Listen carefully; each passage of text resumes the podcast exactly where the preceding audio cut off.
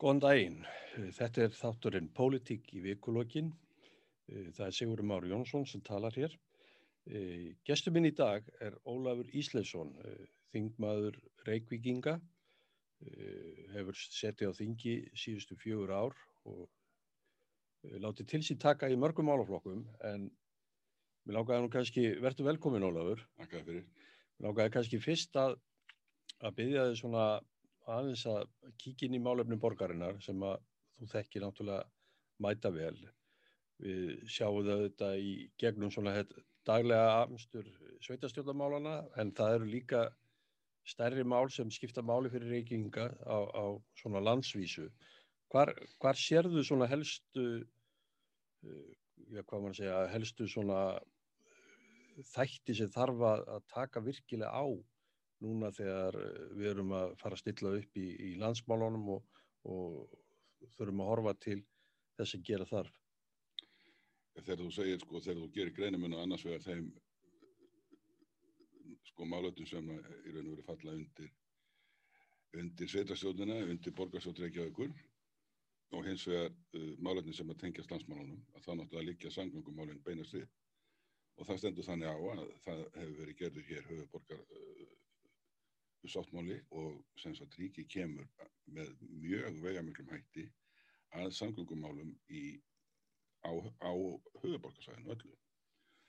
Og það sem að kannski stendur upp úr í því sambandi er uh, svona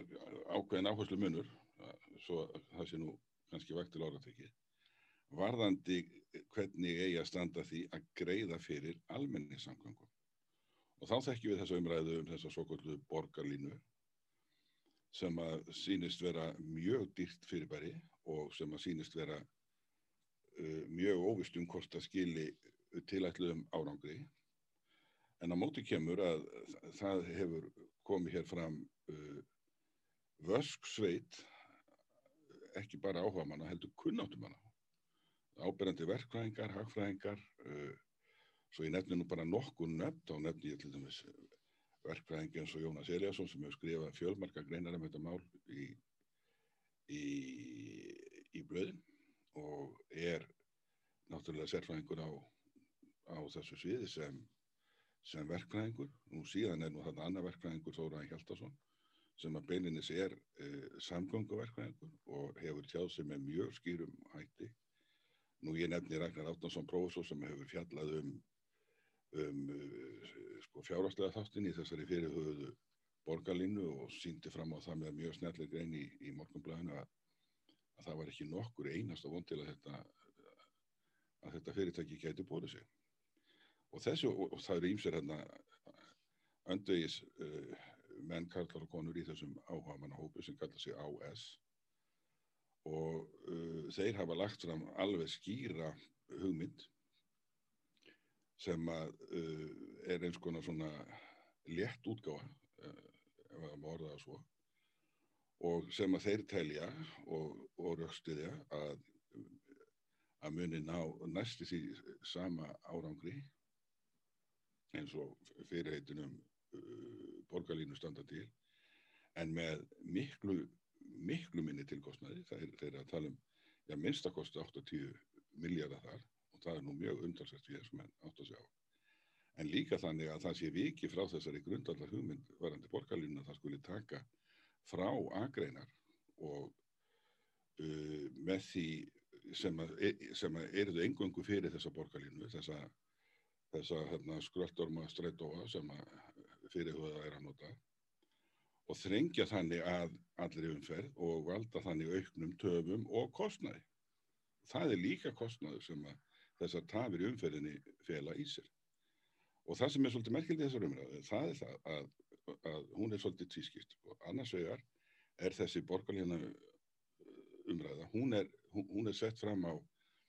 á svona nótum auðlýsingamennsku, það var til dæmis hérna, gerða einhverju frétt að það var búið að velja litin á stólónum í þessum borgarlínu vögnum, eitthvað sem maður hefði ekki talið að kannski vægi mjög tún. E, það er auðlýsingamennska að því leitinu til að, að það, það er í raun og veru engar sko, það eru í raun og veru engar sko, eðlilegar fjáraslegar fósendur sem eru kynntar þarna. Það er til dæmis ekki talað um hagfræðilega greiningu sem hingað til hefur verið sko, álitin viðtekinn og, og hinn eðlilegi og rétti mæli hverði á arðsemi fjárfestinga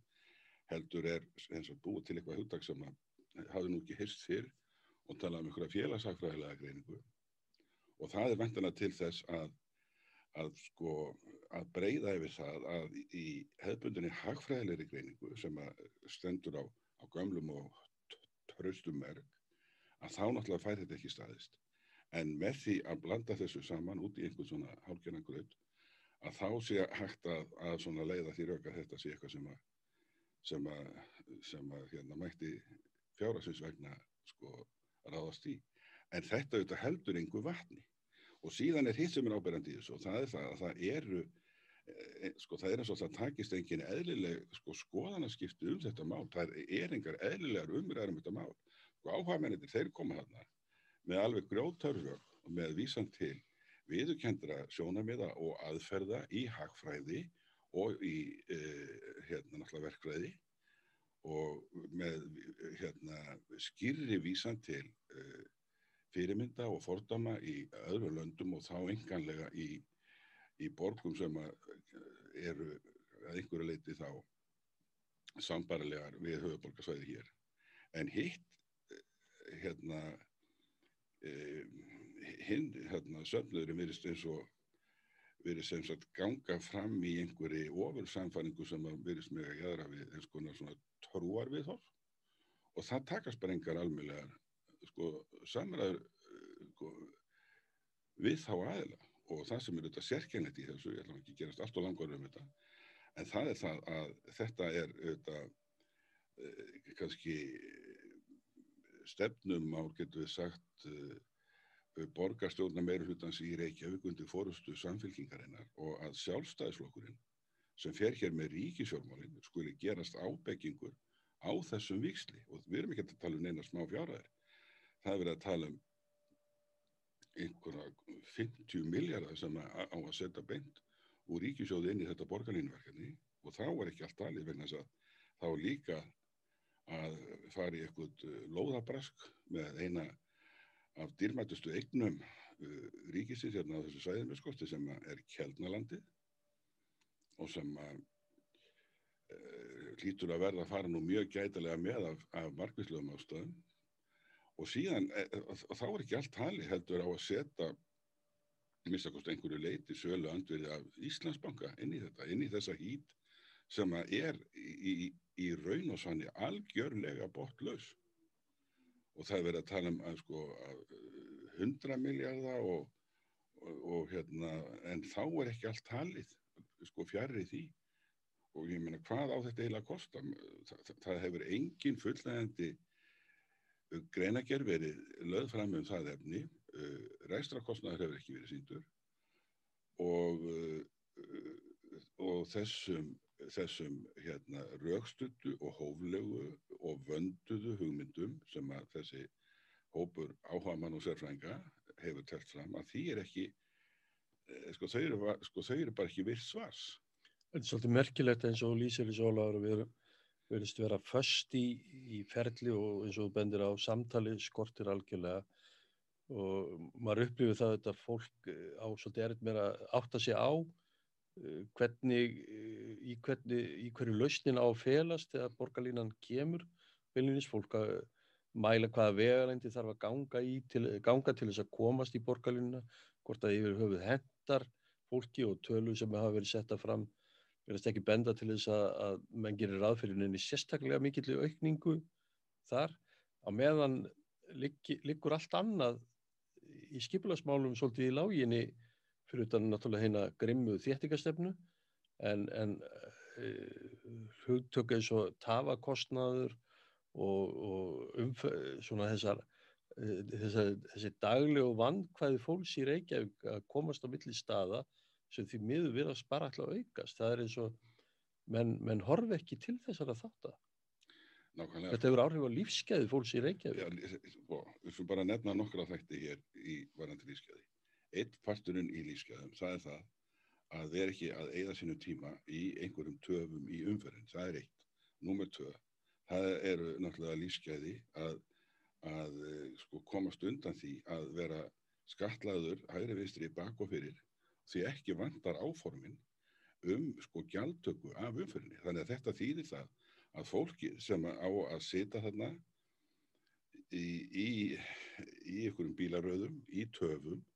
að það á að fá að borga fyrir þann munar eða það má komast þannig orði.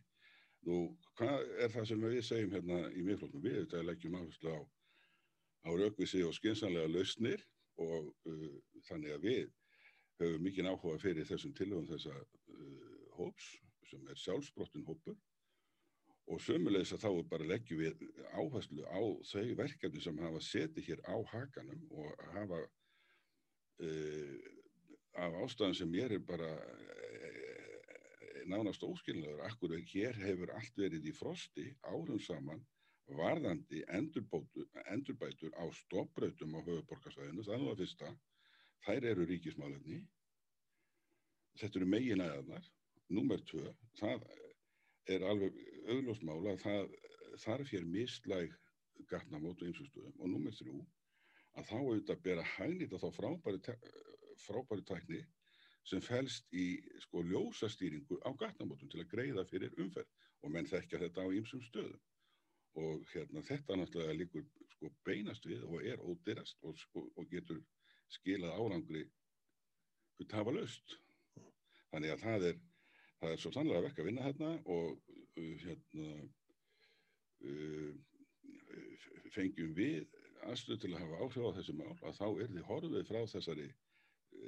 stefnu sem að sjálfstæðiflokkurinn sem að eh, sem ábyrðar maður ríkisjálfmálana að hérna að ætla að fleia þarna eh, sko 20 miljardar á sko út í þetta verkefni sem að í raun og veru er ekki lagt fram með fullnægandi hætti heldur með á einhverjum svona auðlýsingafásendum Ólafur, mér lákar aðeins að, að sveia að öðru málefni sem að þú hefur uh, látið mjög til íntaka. Það eru málefni aldraðra og uh, þó kannski sérstaklega lífeyrisjósmálin. Uh, þú þekkir vel til þar, hefur rannsakað og stútur að lífeyriskerfi lengi. Þetta er málaflokkur sem að stundum er eins og að hann fá ekki alveg að komast, komast upp í umræðuna. Þetta er þetta er kannski ekki hluti af daglegu viðfánsefnum fjölmiðlana, þetta er, þetta er svolítið svona inn í framtíðina, þetta er málefni sem þurfa, sko við þurfum að takast á við í dag til þess að, að við lendum ekki ógöngu setna. Uh, fyrir utan hinn hin, uh, svona hefur daglega umhverf og líf aldraðara sem að þarf, þarf líka að við uh, bætta umönnun og annað slíkt. Þegar þú horfir á þennan málaflokk, hvað hva svona erum við, erum við að, að missa svolítið tökin á þessu eða stefnir í óefni? Sko það er alveg rétti á þeirra. Þetta er, þetta er, sko þetta er stór viðfemur málaflokkur og á köplum flókin.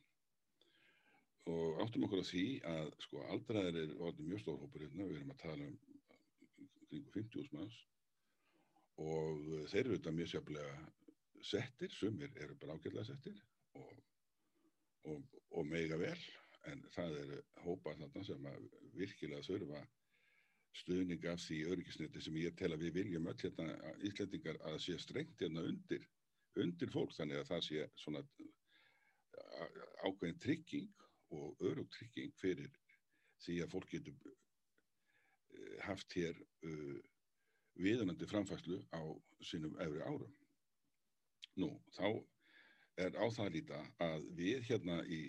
Íslandingar í allsvæðlegum samanbyrði að við leggjum miklu minna til þessa, sko, til þessa málaflóks heldur en til að mynda aðra þjóður innan efnaðs og framfæra stofnunarinnar OECD í París. Og ég meina það er bara hægt að benda á uh,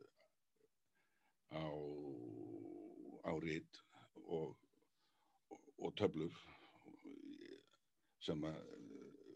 eru hérna eru byrt á þeirra vegum. Þetta eru reyð sem kom út með reglum hætti þar sem er til að mynda fjallað um uh, þessi mál, þennan málaflokk almanna tryggingar og lífeyrismál. Þetta er mjög vandaefni og, og, og það eru sem sagt órækar upplýsingar um það að, að, að hálfu hins ofinbæra er lagt minna eh, inn í þennan málaflokk heldur en, heldur en víðast eða ekki allstaðar annar staðar á þessu svæði. Og þá sem sagt uh, bera með það fyrir sig að, að taka það sem að, að landsminn hafa sjálfur safnað sér í gegnum vikjöld til lífyrsjóðana og bæta því við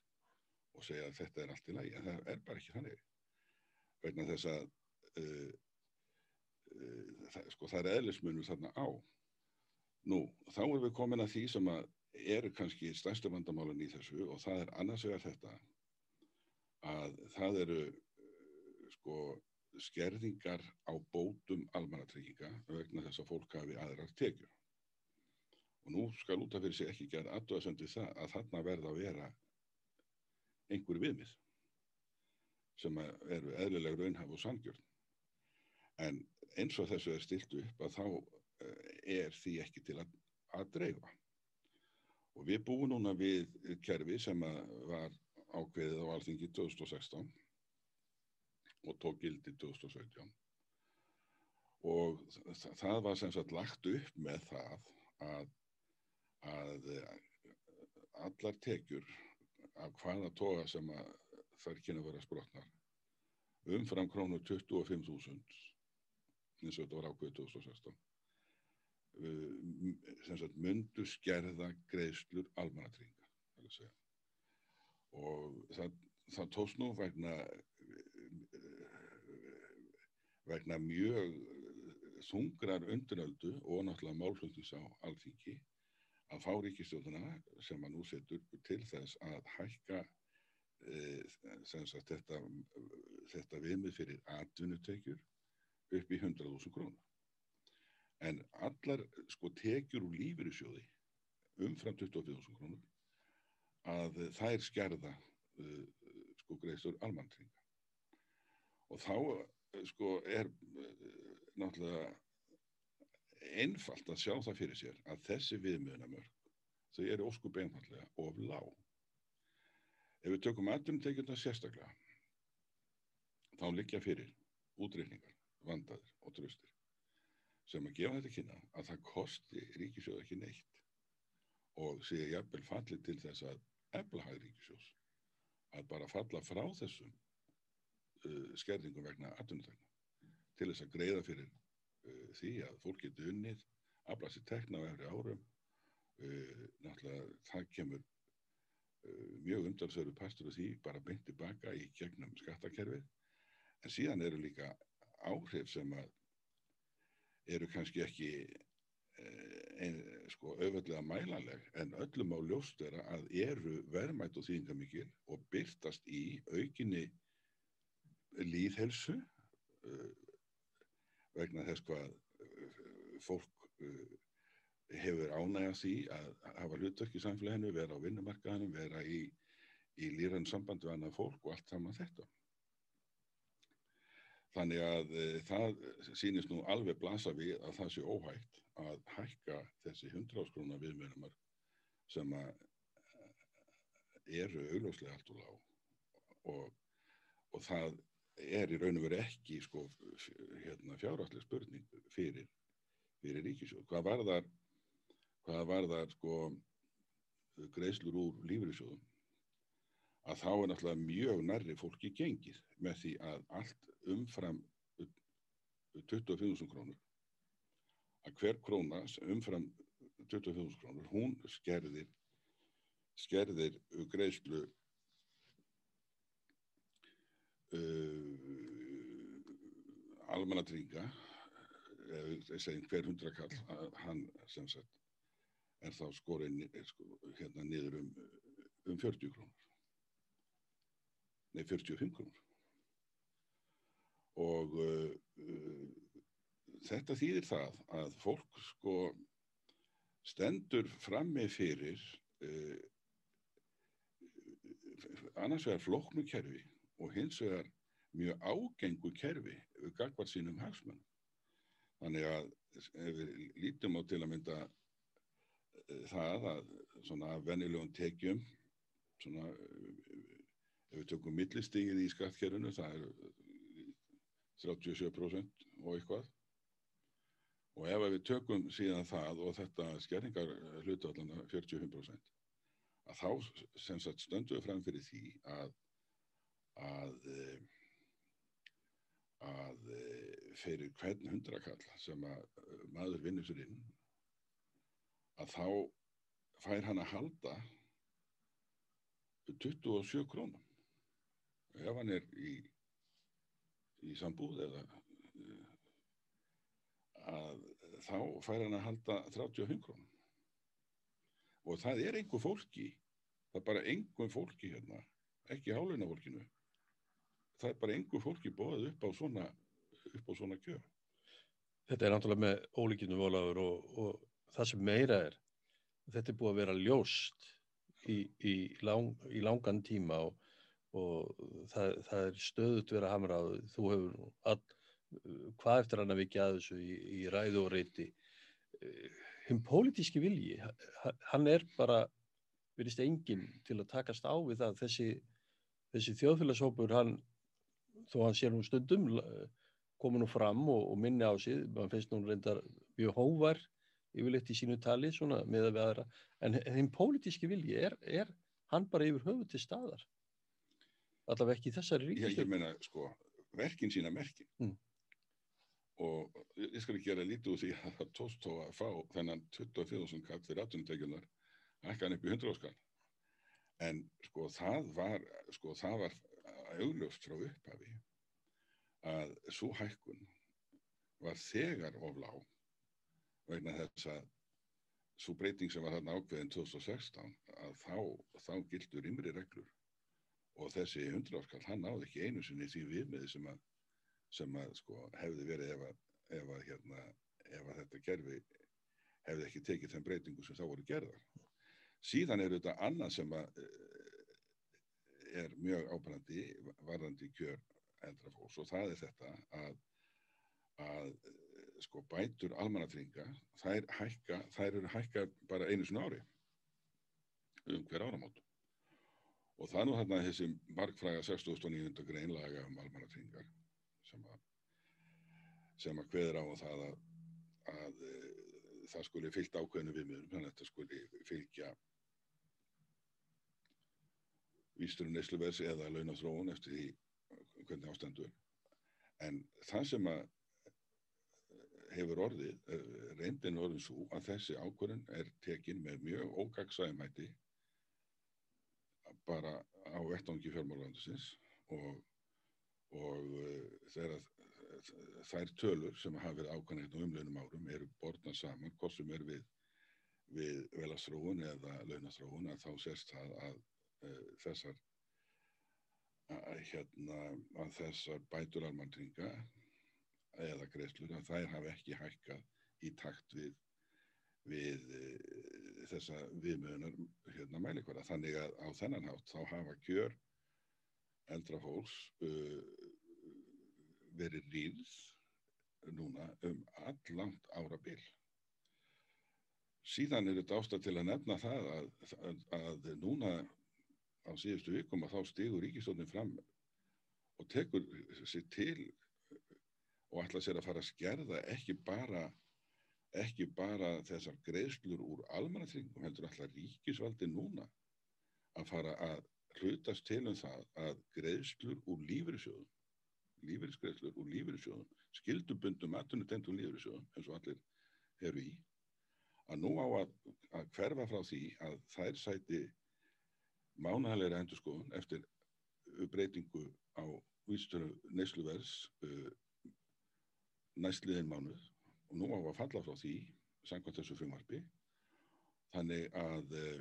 uh, þessar greiðslur úr lífeyrisjónum að hekka bara einu svona ári. Nú það er náttúrulega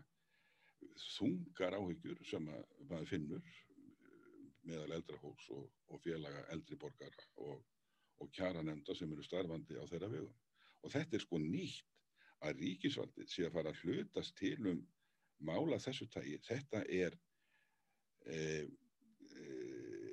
sko þetta er ekki greiðslu sem að ríkisvaldið stendur að eða ber ábyrð á. Þetta eru greiðslur úr lífriðsjóðana og þetta er, þetta er málefni ekki ríkisvaldsins, þetta er þetta samningsefni á milli aðela vinnumarkaðarins sem hafa frá því að lífriðsjóða kerfið var sett á laginnar 1969 staði þetta saman um málefni eh, lífriðskerfisins þó svo að þeir hafi átt jafnvel í miklum átökum um kaup og kjör á vinnumarkaði og nú eh, líkur það fyrir að minnst okkar af hálfu allsíðsambansins er því líst yfir, fórseti allsíðsambansins líst því alveg skýrt yfir að þetta frumvarp var ekki í, í, í neinu uh, samráði við, við ASI og mann er bara gjössanlega óskiljanlegt sko hvað ríkisvaldunum gengur til með þessu. Ég hefði það ekki verið til þess að spurja fjármálar á þeirra út í þetta. Ég spurði hann hvert væri tiletnið þessara breytingar? Hver væri tilgangur þessara breytingar? Hvar væri greinagerður um áhrif á sjóðfélag, á fjárhag lífyrirsjóðana og þess vegna ríkisjóðs? Hver voru svör á það? Hann hafði ekkert um þetta að segja, neitt að þessu. Hann gæti ekki útskilt hvert væri tiletnið, hann gæti ekki útskilt hver væri tilgangurinn Hann gæti ekki útskipt akkur þessu fylgdu enga greinagerðir um þessi áhrif. En hann sagði meira. Hann sagði að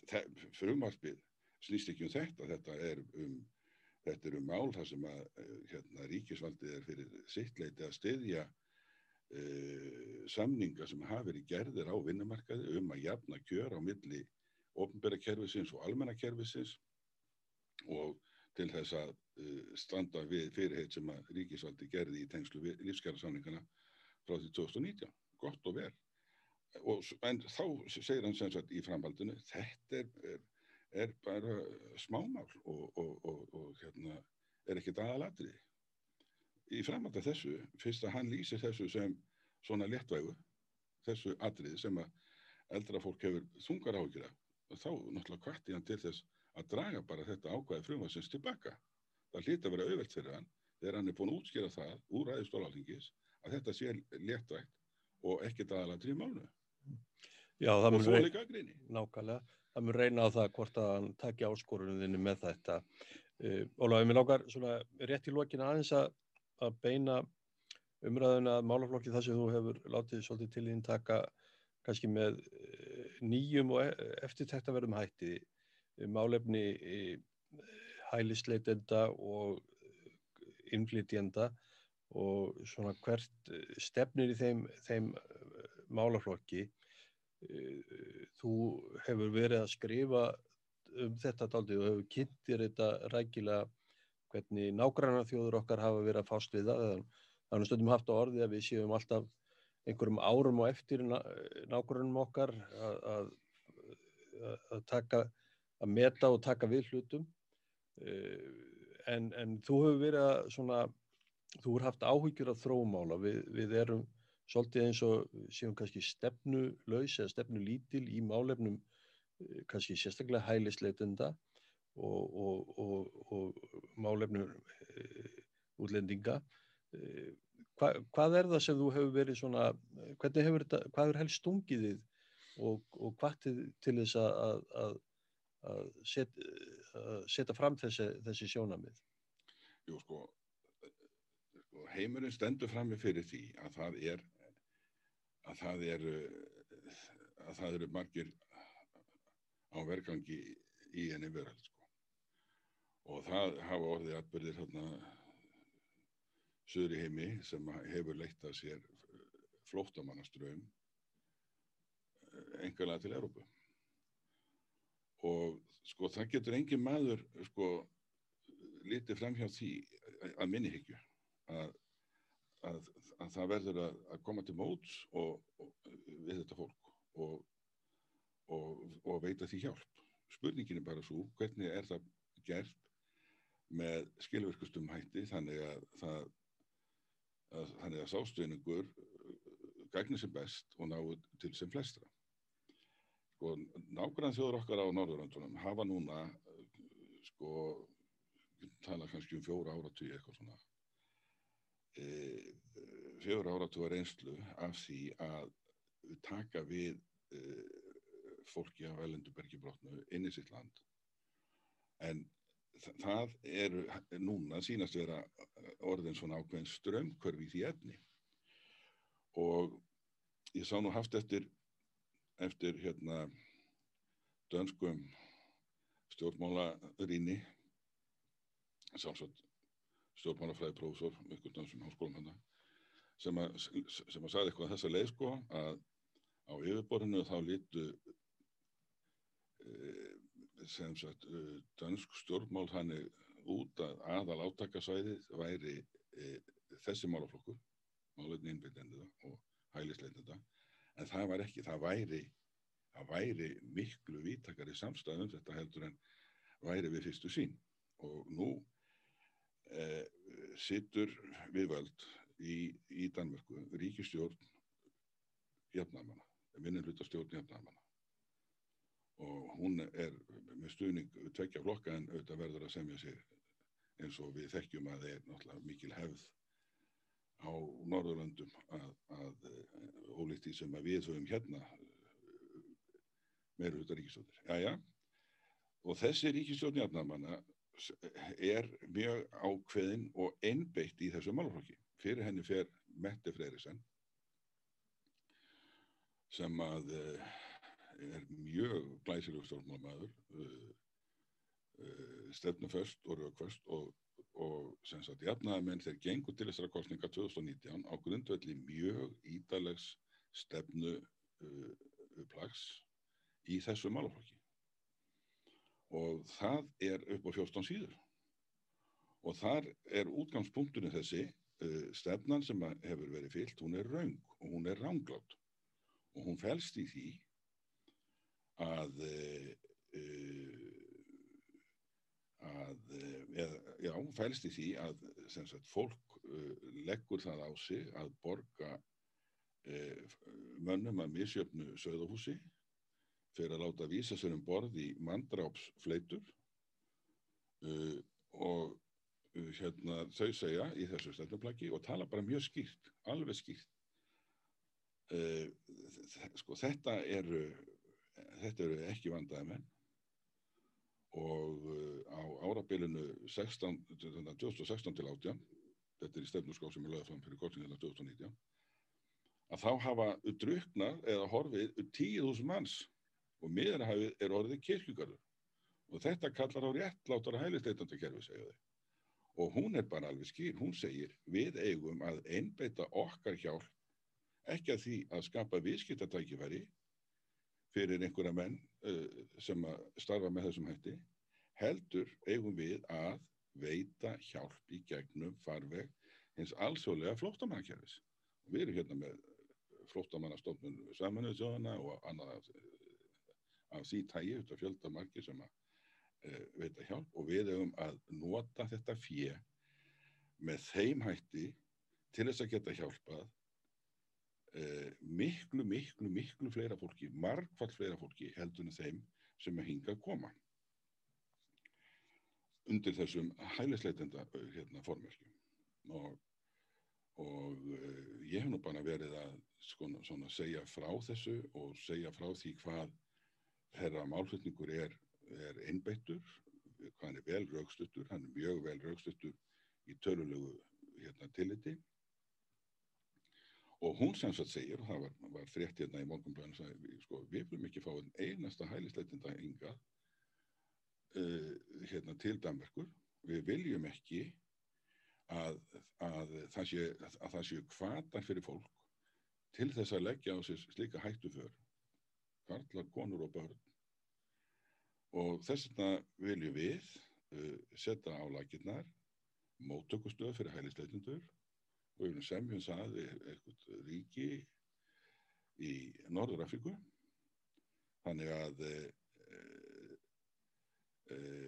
þannig að þessi mál sagt, komist í skapleira hórn þannig að maður sem, að, sem sagt, kemur á danska grund hann verður þá bara fluttur í þessa hælis e, hérna móttökustöð og þessi til að hún kemur ekki utan úr blámanum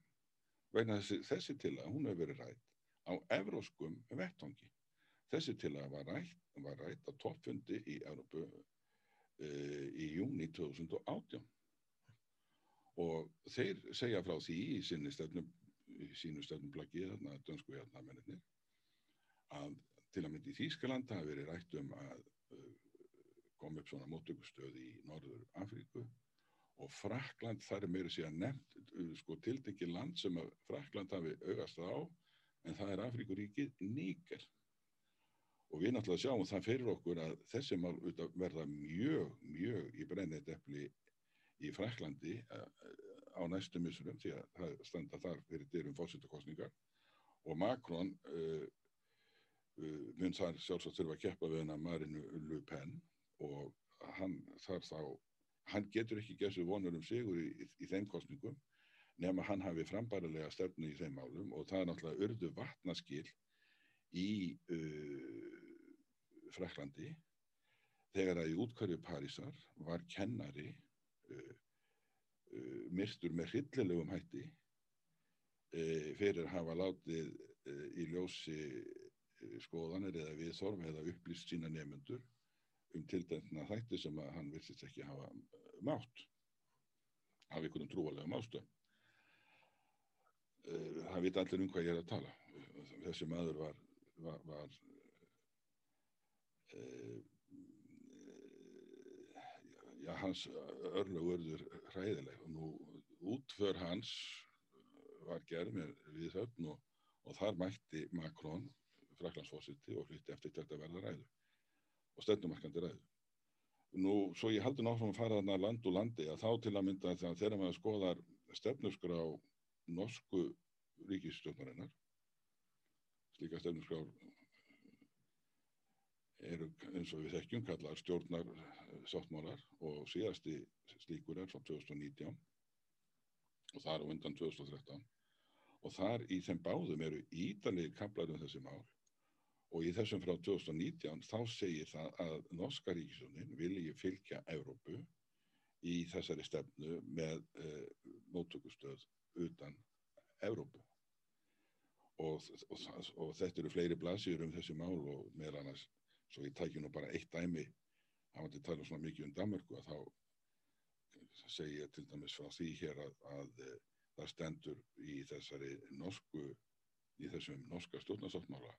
engar fjölskyldu saminningar nema að undangegnu DNA-prófi. En svo ég hverfi aftur til hérna Danmarku, þannig langar mig að segja frá kannski þremur atriðum sem að þessi norska jafnamannaríkistjórn hefur staðið í. Sko í fyrsta lagi að til að efna þetta sko kostningalofað um þessa mótökustöð að þá liggur fyrir danska þinginu frumvarpa og frumvarpið er um heimild fyrir dansk stjórnvöld til þess að flytja mann sem kemur og bankar upp á á danskri grundu að flytja hann í, í móttökustöð utan Europa. Það er einstu kjarnin í frumvarpinu. Þetta er auðvitað skilaboð til þess fólk sem áformar hættu för yfir miðarhafið og gegnum Európu og til Danmarkur að það getur spara sér það. Það sé eins gott að sleppa því, það verður bara flutt í þessa hælis móttökustöð í Danmarku. Nú, frumvarpið fær náttúrulega misjarnar móttökur en þau eru mjög hörði í því að verja þetta frumvarp. Koma aðeila eins og, eins og Amnesty International og segja það að þetta sé ekki nógu hérna, mannulegt og, og, og þannig sé verið að taka réttin frá hælisleitundum til að vera hælisleitundur og eitthvað svona. Nú ráð þeirra málaflósins, hann brást mjög hartið, hann heitir Mattias Tesfaye og, og er hérna uh, hann leggur málu upp með eftirfærandi hætti. Hann segir við ætlum okkur að nota það fyrir sem við höfum tildagt í uh, þessu málfólki til þess að hjálpa uh, miklu fleira fólki heldur en við náum að gera með þessu hælisteitnindakerfi sem að sem að Mette Freyrir segir hafa verið mistök. Um leið og hún segir að hælisleitunda kerfi Evrópu sé hrunið og uh, það er engin bilbugur á, á,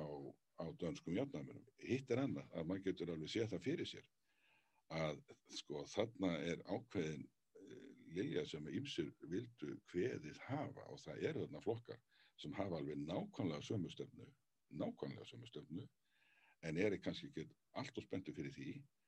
að sko dönsku kratarnir náu þessari stefnu fram í sinni stjórnatíð. Þessi stefna, hún hefur verið mæld, sko stuðningur við hana hefur verið mæld. Helmingu dana stiður þessa stefnu, segist annarkort stiðana mjög ákveð eða vera í ákveðu hérna gagvartinni. Það er mjög bíkitt stuðning við svona mál sem er líka viðkvæmt. Anna mál sem að mér langar að segja frá og það er það að 15. massíðasliðin tóku gildi lög í Danmarku um vernd uh, fyrir uh, yngripi eða uh, tilinu til að grafa undan eins og það er orðað uh, dönskulýraði og mannreitindum og uh, þessi lög eru í eðlisínu um bann við að taka við fjárframlögum frá aðlum, þar að segja ríkistjórnum, ríkistofnunum ríkisfyrirtækjum, einhvern slíkum aðlum sem eru taldir varasamir. Og uh, lögin sem sagt hveð áum að í uh, hlutiðandi ráðandi sem myndi vera hjá okkur, myndi vera dómsmálaráðandi að setja upp lista yfir svona aðla og, og hérna hafi um það samráð inn í, inn í stjórnkerfinu. Þessi lög sem tóku gildi 15. mars, þau voru samþýtt með þorra atkvæða í danska þinginu. Það voru, það voru 79 sem að, sem að stuttu þau, það voru, síðan voru 7 og 9 sem að ímest voru á móti eða sáttu hjá. Þannig að bara allur þorri þingheims samþýtt þessu lög. Og þessi lög sko þau nefna ekki neina sérstakar trúarhefingu eða neina trúarstofnanir en þetta er náttúrulega til þess að verjast í að, að aðilar uh, uh, elendis frá vilji hlutast til um, um danst þjóðlíf í gegnum framlög til slíkra stofnana. Þá er þetta, og þeir eru alveg skýrir, sko, dansku stjórnmálamennir, þeir segja, við viljum ekki við viljum ekki að, að moskur séu reistar hér fyrir framlög erlendisfrá. Við viljum ekki að hér séu reknir kóranskólar með slíkum framlögum. Með öðrum árum, við viljum ekki að hér sé, séu reknarstofnanir, hvort sem það eru trúvalega stofnanir eða, eða á sviði skólastars, þar sem að uh, haldið er uppi innrætingu sem að er fallin til þess að grafa undan dönsku líðræði og dönskum mannreitindum. Og það af hálfu aðla sem hvorki virða líðræði nýja mannreitindi og, og, og, og það sem að til að mynda jafnbreytti kynja sem er alltaf útgangspunktur hérna á Norðalundum og í Európa og í Vestrænaríkjum, hann alltaf ekki eins og til umræðu. Og uh, þetta reyfur upp að fyrir nokkrum árum greindi Óla Ragnar Grímsson, þá fósitt Íslands frá því að sendi herra Sáti Arabíu hefði gengið á hans fund. Og, og þetta var ídaleg frétt um þetta í ríkisúttarpinu og sjálfsagt í fleiru hérna, fjölmjölum og Ólafur segir frá því að sendi herran Sáti Arabíu hafi sagt að stjórnvöldi sínu heimalandi vildu fjármagna e, slíka byggingu hér á Íslandi. Og Ólafur lýsir sér því hversu hvernig hann brást við hann, hann var mjög undrandi hann, hans notur orði að hann hafi verið eins og lamaður og uh, hann sagðist að það setjast niður og, og, og, og ígrunda þetta og hann hafi síðan ákveðið að segja frá þessu. Við erum að tala hér um fósita Íslands eina sjóðkjörna uh, það er að segja já uh, manni sem er kosum beintið sitt ennbætti og, og maður sér fyrir sér og honum er alveg sínilega brúðið að sjá það fyrir sér að Erlend ríki og þarna er við að tala um Sáti Arabíu Sáti Arabíu í krafti olíuöðs uh, er þarna stýrt af einni tiltekinni fjölskyldu. Það er náttúrulega ekki það þarf ekki að ræða líðræði það eru mannitindi þarna eru það þarf ekki að ræða það menn þekkja þetta. Uh, við þekkjum náttúrulega stöðu hvenna og allt saman þetta uh, að slíkt ríki ætla að fara að hlutast til um Íslands málefni í gegnum fjárframlög til að byggja hérna uh, stofnun af svona trúalegu tægi sko, ég menna hvað er þetta annað heldur en ég ætla bara að segja það beint út hvað er þetta annað en bein árás á Íslands fullveldi? Hvað er þetta annað en bein árás á á, á, á, á grundvallar gildi sem við reysum þetta samfélag á sem er líðræði, mannitindi jafnrétti og svo framvegs þannig, þannig að, að ég skil vel að, að Ólafi skildi vera bröði og það sem er auðvitað merkilegt í þessu er það að Íslands samfélag verist einhvern veginn ekki hafa verið tilbúið á þessum tíma. Þetta var 2015 held ég með að segja en ekki lengur að segja að, að, að eins og það er svo Íslands samfélag einhvern veginn hafi ekki verið komið á þann stað að það treysti sér til að ræða þetta. Nú hefur það gerst í okkar vinalandi kannski nánasta vinalandi og hjá þjóð sem hefur syngt okkur Íslandingum veglindi og drengskap sem við munum muna alla tíð meðan við búum í þetta landinu. Að því að við erum að minnast þess núna að, að þeir skiluðu hér handritunum. Að, að þeir eru búnir að setja lög sem eru alveg skýr slík framlög eru bönnu mm. og þeir aðilar sem að, að hérna, taka við slíkum aðilum nei, hérna við slíkum göfum þeir skulu skila þeim innan 14 daga og þeir skulu greiða sagt Ólafur, þakka þér fyrir þetta yfirlit. Það er alveg augljóst að, að þessi málaflokkur og, og að, aðkoma stjórnvalda og, og lögjöf í kringu það er á, á flegi ferði í okkar nákvæmna löndum og í þeir löndum sem við horfum til og, og kannski ekki að undra. Við þurfum örglega að ræða þetta nánar við, við annan tækifæri en ég þakka þér kjallaði fyrir komuna hingað í dag, Ólafur. Uh, þetta er þátturinn Pólitík í vikulokkin. Uh, Sigurum Már Jónsson, þakka fyrir. Og ég þakka fyrir mig.